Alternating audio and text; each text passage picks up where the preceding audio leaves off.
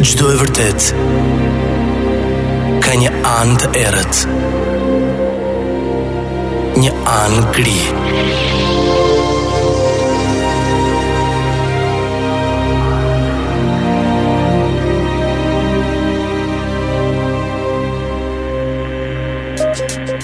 Histogri.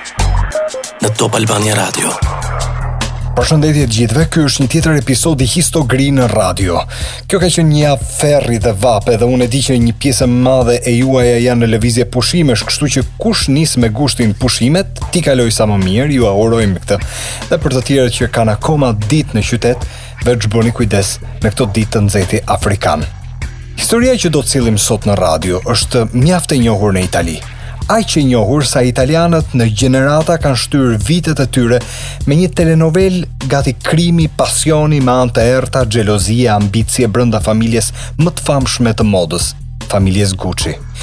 Dhe vendosa të merrem me këtë histori qëkurse 3 ditë më parë Lady Gaga nxori posterin e filmit The House of Gucci, që merret pikërisht me këtë histori dhe që për kë e ka dëgjuar mbetet tipikisht një krim pasioni deri histori e pabesueshme.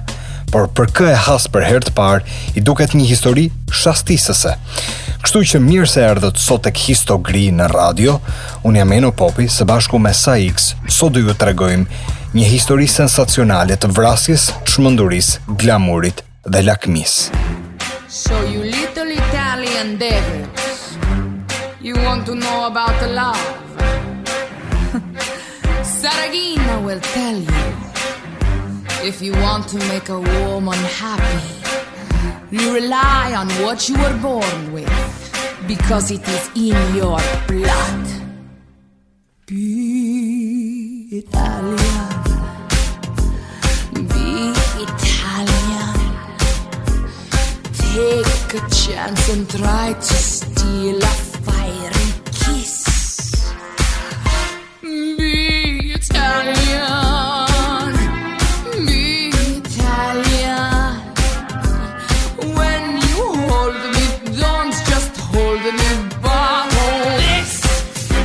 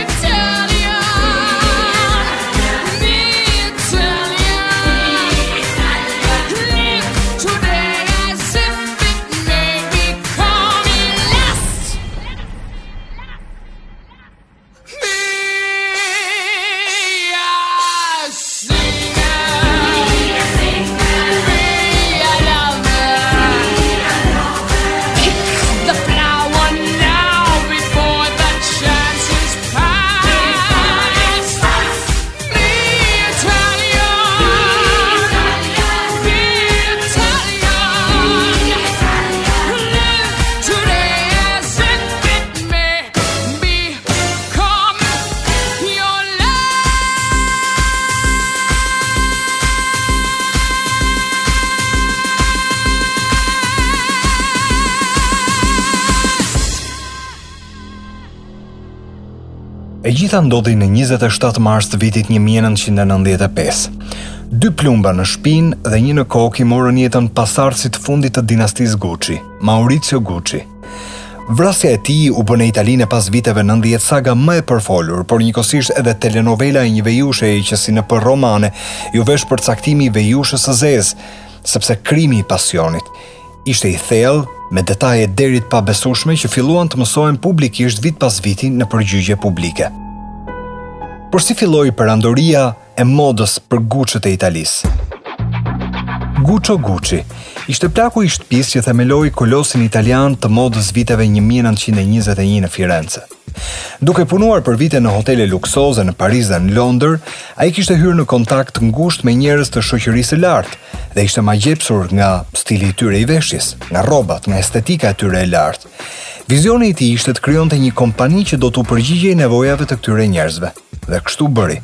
Filloi të prodhojë pajisje lëkure, këpucë, çanta dhe rripa.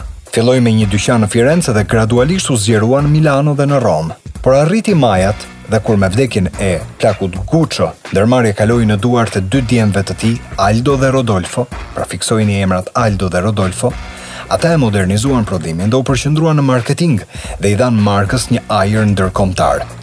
Selia u zhvendos në New York dhe reputacioni i Gucci u përhap në të gjithë botën. Në fakt, dy vëllezërit vendosën të ndalonin të merreshin ekskluzivisht me shtresat e larta të shoqërisë dhe kështu filluan që të synonin edhe një publik më të gjerë.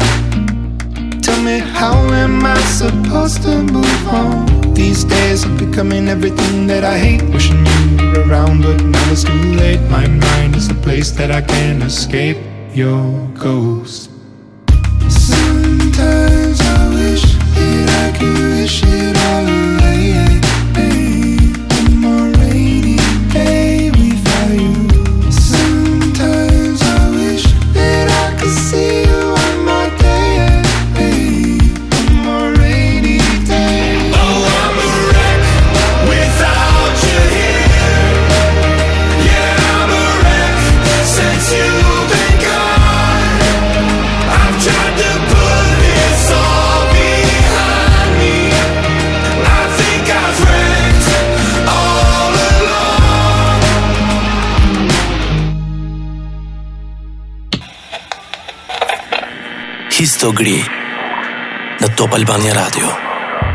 Por trashëgimia kur degëzohet, të paktën nga historia, ne kemi mësuar se pronën e babës dy mënyra ka o e shet lirë ose përkundrazi e forcon në treg për të mos humbur atë ndjenjë biznesi që mban gjithmonë e më shumë përgjegjësinë e një mbiemri. Ata që e morën përsëri kompaninë, pra pas Aldos dhe Rodolfos ishin fëmijët e tyre, pra ata që e trashëguan. Sidoqoftë djali i vetëm i Rodolfos, Maurizio Gucci kishte një marrëdhënie shumë të ftohtë me familjen vitet e fundit. Dhe në fund viteve 60, 20 vjeçari Maurizio ishte njohur me bashkëmoshataren e tij Patricia Reggiani në një festë ku të dy të rinjtë u dashuruan menjëherë. Askush në familjen Gucci nuk e aprovoi këtë marrëdhënie, besonin se Patricia ishte me të për interes dhe më shumë donte emrin dhe paratë djaloshit Gucci. Sidoqoftë Maurizio nuk bënte dot më pas, kështu që kaluan disa vite dhe çifti i ri mbeti së bashku. Babai ortak, Rodolfo, arriti deri aty sa t'i thoshte djalit se duhej të zgjidhte midis kompanisë dhe gruas që kishte lidhur jetën. Nga njëra anë ishte familja dhe kompania, nga ana tjetër ishte Patricia. Dhe përgjigja e 24 vjeçarit ka qenë e qartë dhe e prerë në atë kohë. Në vitin 1972, Maurizio Gucci dhe Patricia Reggiani u martuan. Deri në lindjen e vajzës së tyre të parë, Rodolfo dhe pjesa tjetër e familjes kishin ndërprerë çdo kontakt me Maurizion. Por gruaja, Patricia, më pas filloi t'i bënte presion burrit të saj për të rivendosur marrëdhëniet me babain e tij.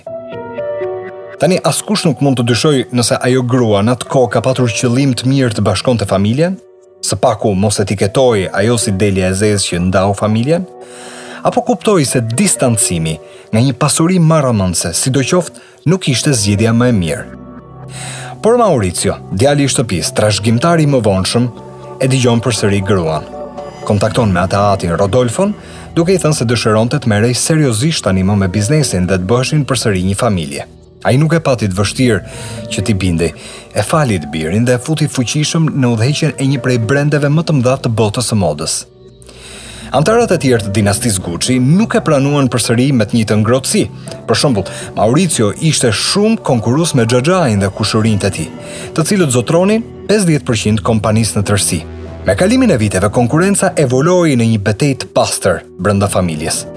Mauricio akuzoi xhaxhain e tij Aldo se vidhte para nga biznesi. Gjeti aleat në këto akuza kushëririn e tij, mendoni, të birin e xhaxhait që ai akuzonte, Paolon. Ky i fundit, një tip i pazakontë, kishte shumë llef me të atin. Pra me xhaxha Aldon dhe me ndihmën e Mauricios, mbledhin prova dhe e akuzojnë zyrtarisht për pastrim parash. Aldo me gjithë avokatët e mëdhenj që e mbrojtën në atë periudhë nuk arritën dot ta shpëtonin nga burgu, dhe Mauricio, megjithatë, nuk u ndal këtu. Qëllimi i tij përfundimtar ishte të dëbonte të gjithë pjesëtarët e familjes Gucci nga kompania dhe të bëhej ai sundimtari absolut. Vdekja e babait të tij, në vitin 1983, e bëri më të lehtë objektivin. Atë vit ai hyri në një marrëveshje sekrete me investitorë arabë të cilët morën përsipër të bindnin tre kushërinj të Mauricios që të shisnin aksionet e tyre. I pari u dorëzua Paolo, ai që shiti të atin, pra Xhaxha Aldon, dhe shumë shpejt pasuan edhe dy nipat e tjerë. Aldo kështu mbeti i vetëm në bord, duke zotëruar një përqindje shumë të vogël të kompanisë. Por nuk mbaron me kaq. Në biznesin e familjes, Maurizio Gucci brenda natës dhe pa informuar njeri, kishte boshatisur zyrën i mori postin e presidentit dhe nuk kaloi shumë kohë dhe me keqardhje u detyrua që të shiste dhe përqindjet e tij, kështu që xhaxhai Aldo i plakur nuk zgjati shumë. Vdiq disa muaj më vonë me brengën që i morën kompaninë.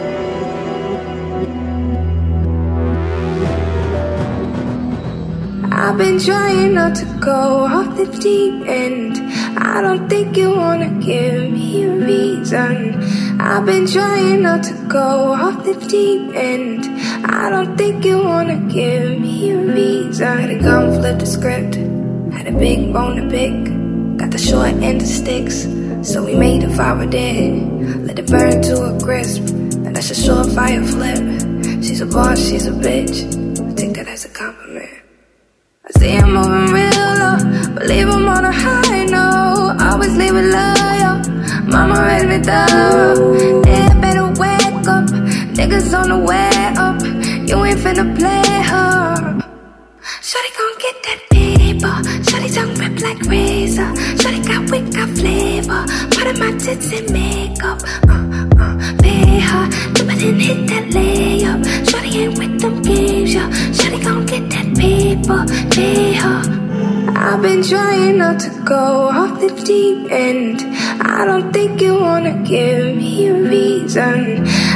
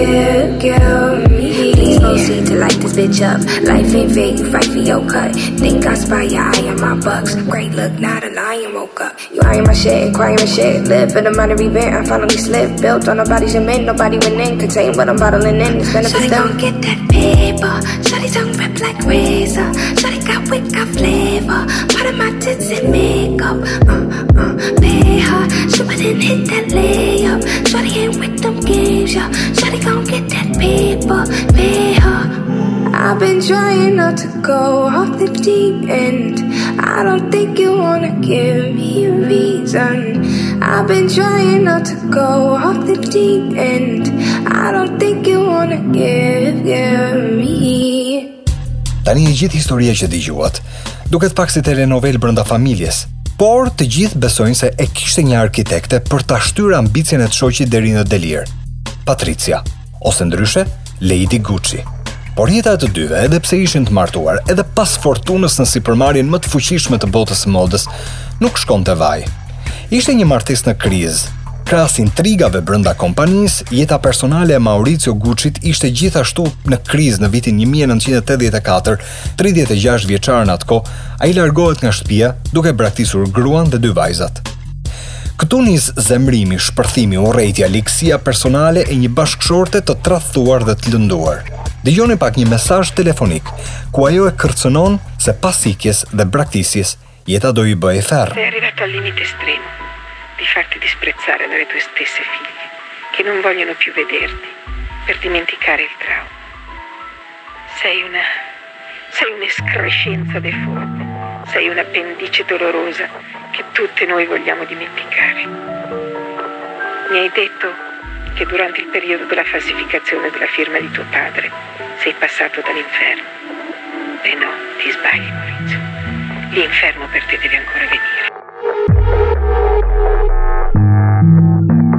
Kjo telefonatë që dëgjuat në fakt u përdor edhe më vonë në gjyqin kundra saj, kur u akuzua direkt se urdhëruese e vrasjes së të shoqit ishte ajo.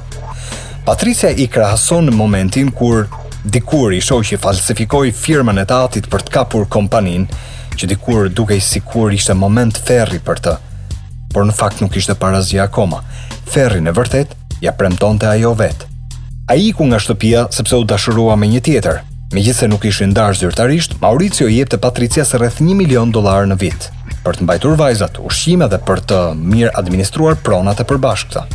Megjithatë, ditët e presidencës së tij në kompani nuk shkonin dhe aq mirë, kështu që edhe dieta për gruan gradualisht filloi ta pakësojë. Patricia, e mësuar me një mënyrë jetese të shtrenjtë, ishte shumë e pakënaqur. Por sa herë ajo përpiqej që të vizitonte të shoqin për të biseduar dhe për t'u pajtuar në një situatë krize brenda martesës, ai e dëbonte vazhdimisht nga zyra. E, i, io ero anche tranquilla. Poi improvvisamente entra in ballo questa Paola Franchi e lui mi chiede il divorzio. Quindi io non sono più legittimata a portare il nome Gucci. Però io lo continuo a portare. Divorci ishte pika që e çon në krizë psikologjike, emocionale, agresive Patricia Gucci-n. Sepse i kërkohet heq dorë nga emri. Okej, emri ishte status, dhe statusin zonja Gucci mund ta hiqte gjykata, por në kokën e saj ajo nuk e hoqi kurrë, e mbajti dhe e mban ende. Por kaq, veç në fiksimin personal. Fiksimin personal të një statusi që nuk hoqi dorë asnjëherë sepse juridikisht nuk i takonte më.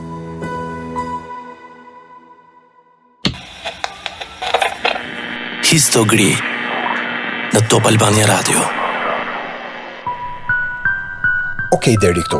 E gjitha duket si një histori si shumë të tjera. Pra një marrëdhënie në krizë, një martesë në fund të saj, njëri prej partnerëve që nuk lëshon pe, Veçse në këtë rast, në rastin që po flasim, ata të dy janë njerëz të pasur, dhe kur futet në lojë pasuria dhe paratë, gjërat komplikohen disi.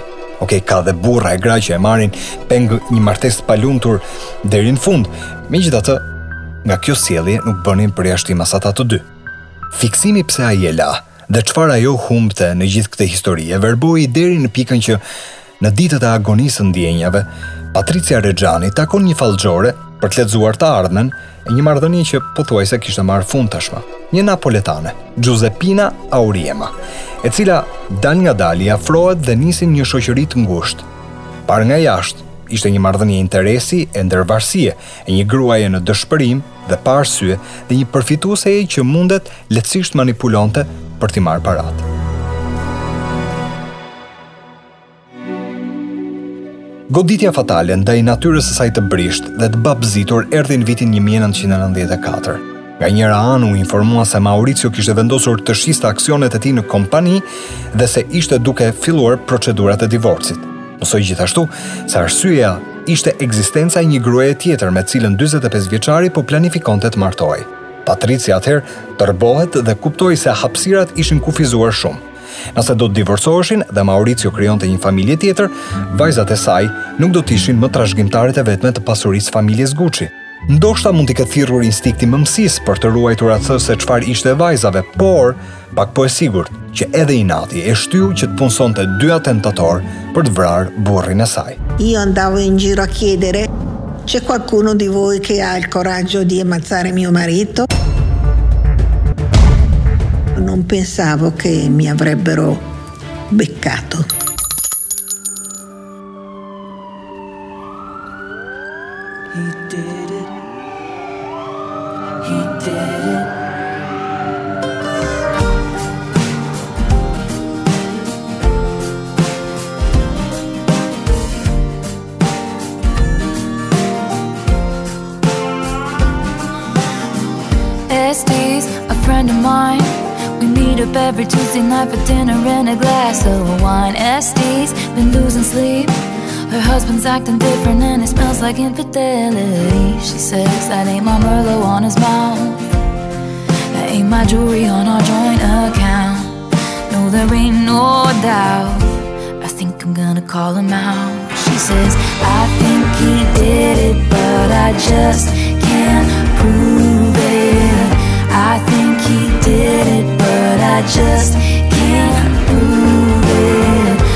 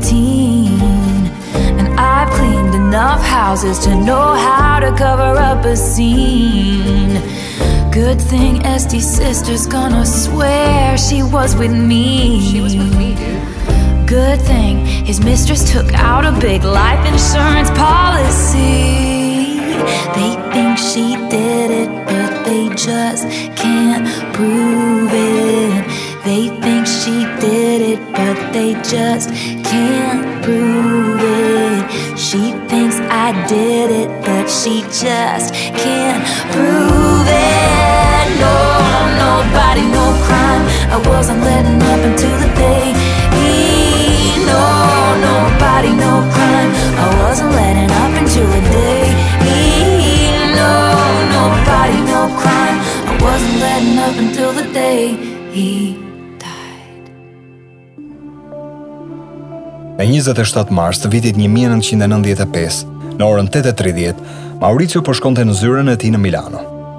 Por nuk arriti as të kalonte hyrjen kryesore. Ndërsa përshëndetet me rojen, mori dy plumba në shpinë dhe një në kokë.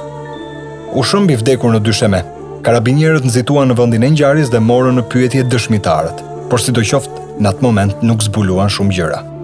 U hapën edhe hetimet dhe për dy vjet nuk u kryen as arrestime dhe asgjë, sepse çështja u arkivua për mungesë provash. Ucciso a Milano Maurizio Gucci, erede della prestigiosa casa di moda. Testimoni, il portinaio, ferito alla spalla dall'omicida,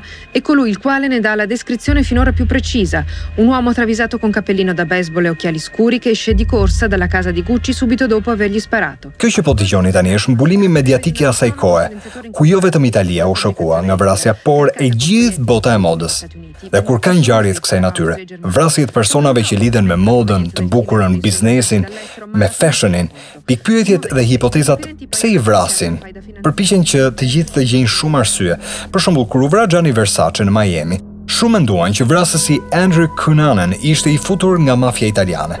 Ndrangheta e kishte paguar sepse Versace ishte në borxhe me sicilianët, të cilët në një pikë të krizës ekonomike i kishin dhënë para që ai s'po jua kthente dot dhe kështu e hoqin qafe. Por kush njeh historinë e vërtetë në fakt se si u vra Gianni Versace e di që mafia s'nuk hyn fare. Po fare fare në lojë, ai u vra nga një njeri i fiksuar dhe kaq. Edhe në rastin e Mauricio Gucci-t, hetimet shkuan deri në detaje që borxhet me arabët, konkurrenca në botën e modës, apo mospranimi i disa gjobave të mafjes me justifikimin e mbrojtjes së biznesit që i kërkonin pastaj aksione me forcë, ishin thelbi i hetimeve të asaj kohe nga prokuroria. Por kurrë prokurorët nuk çuan ndër mend se historia mund të ishte banale, shumë më banale sesa të gjitha pistat e forta dhe të thella që ata hetonin. Por dëgjoni pak se si zbulohet vrasja. Për këtë ju tregoj vetëm pas pak.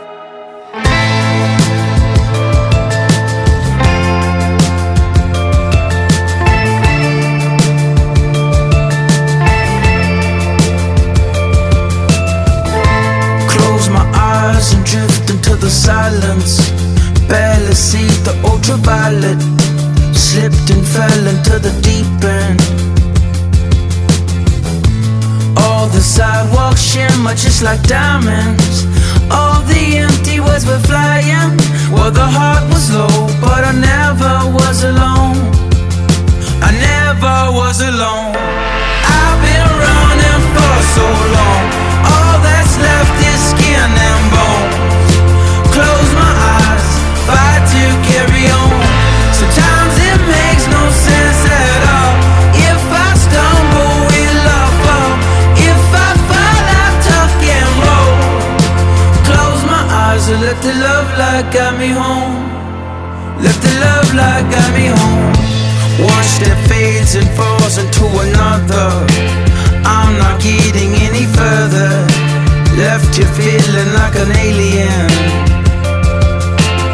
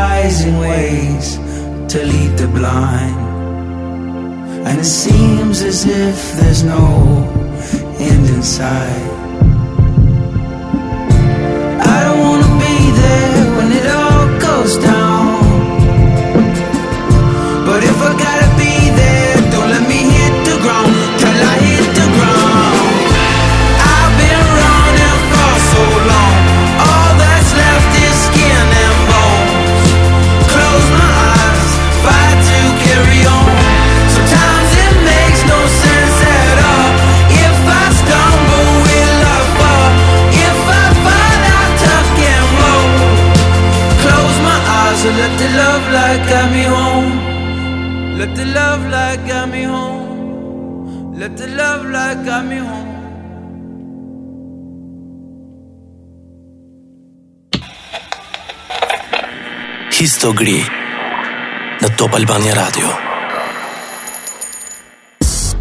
Në fillim të vitit 1997, dy vjet më vonë, një burrë që njihte njërin nga dy vrasësit kontaktoi autoritetet dhe u tha atyre gjithçka dinte dhe kishte dëgjuar. Me një emër kyç në posedimin e tyre, oficerët e policisë nuk vonuan për të zgjidhur misterin. Informatori që mori në telefon policinë, tregoi se teksa po pinte me miqtë në një bar në grupin e burrave me të cilin ata po rrinin, ishte bashkuar dhe një i njohur i një të njohuri dhe në një moment në tavolinë, ky i njohur i rastësishëm i ishte mburrur burrave se kishte qenë pjesëmarrës në një vrasje të rëndësishme, që policia nuk po e zgjidhte dot. Ai nuk kishte shtënë mbi viktimën, por ishte bashkëpunëtori më i ngushtë në vrasje. Dhe i vrari ishte Maurizio Gucci. Ndërkohë porositëse e vrasjes ishte e shoqja xheloze.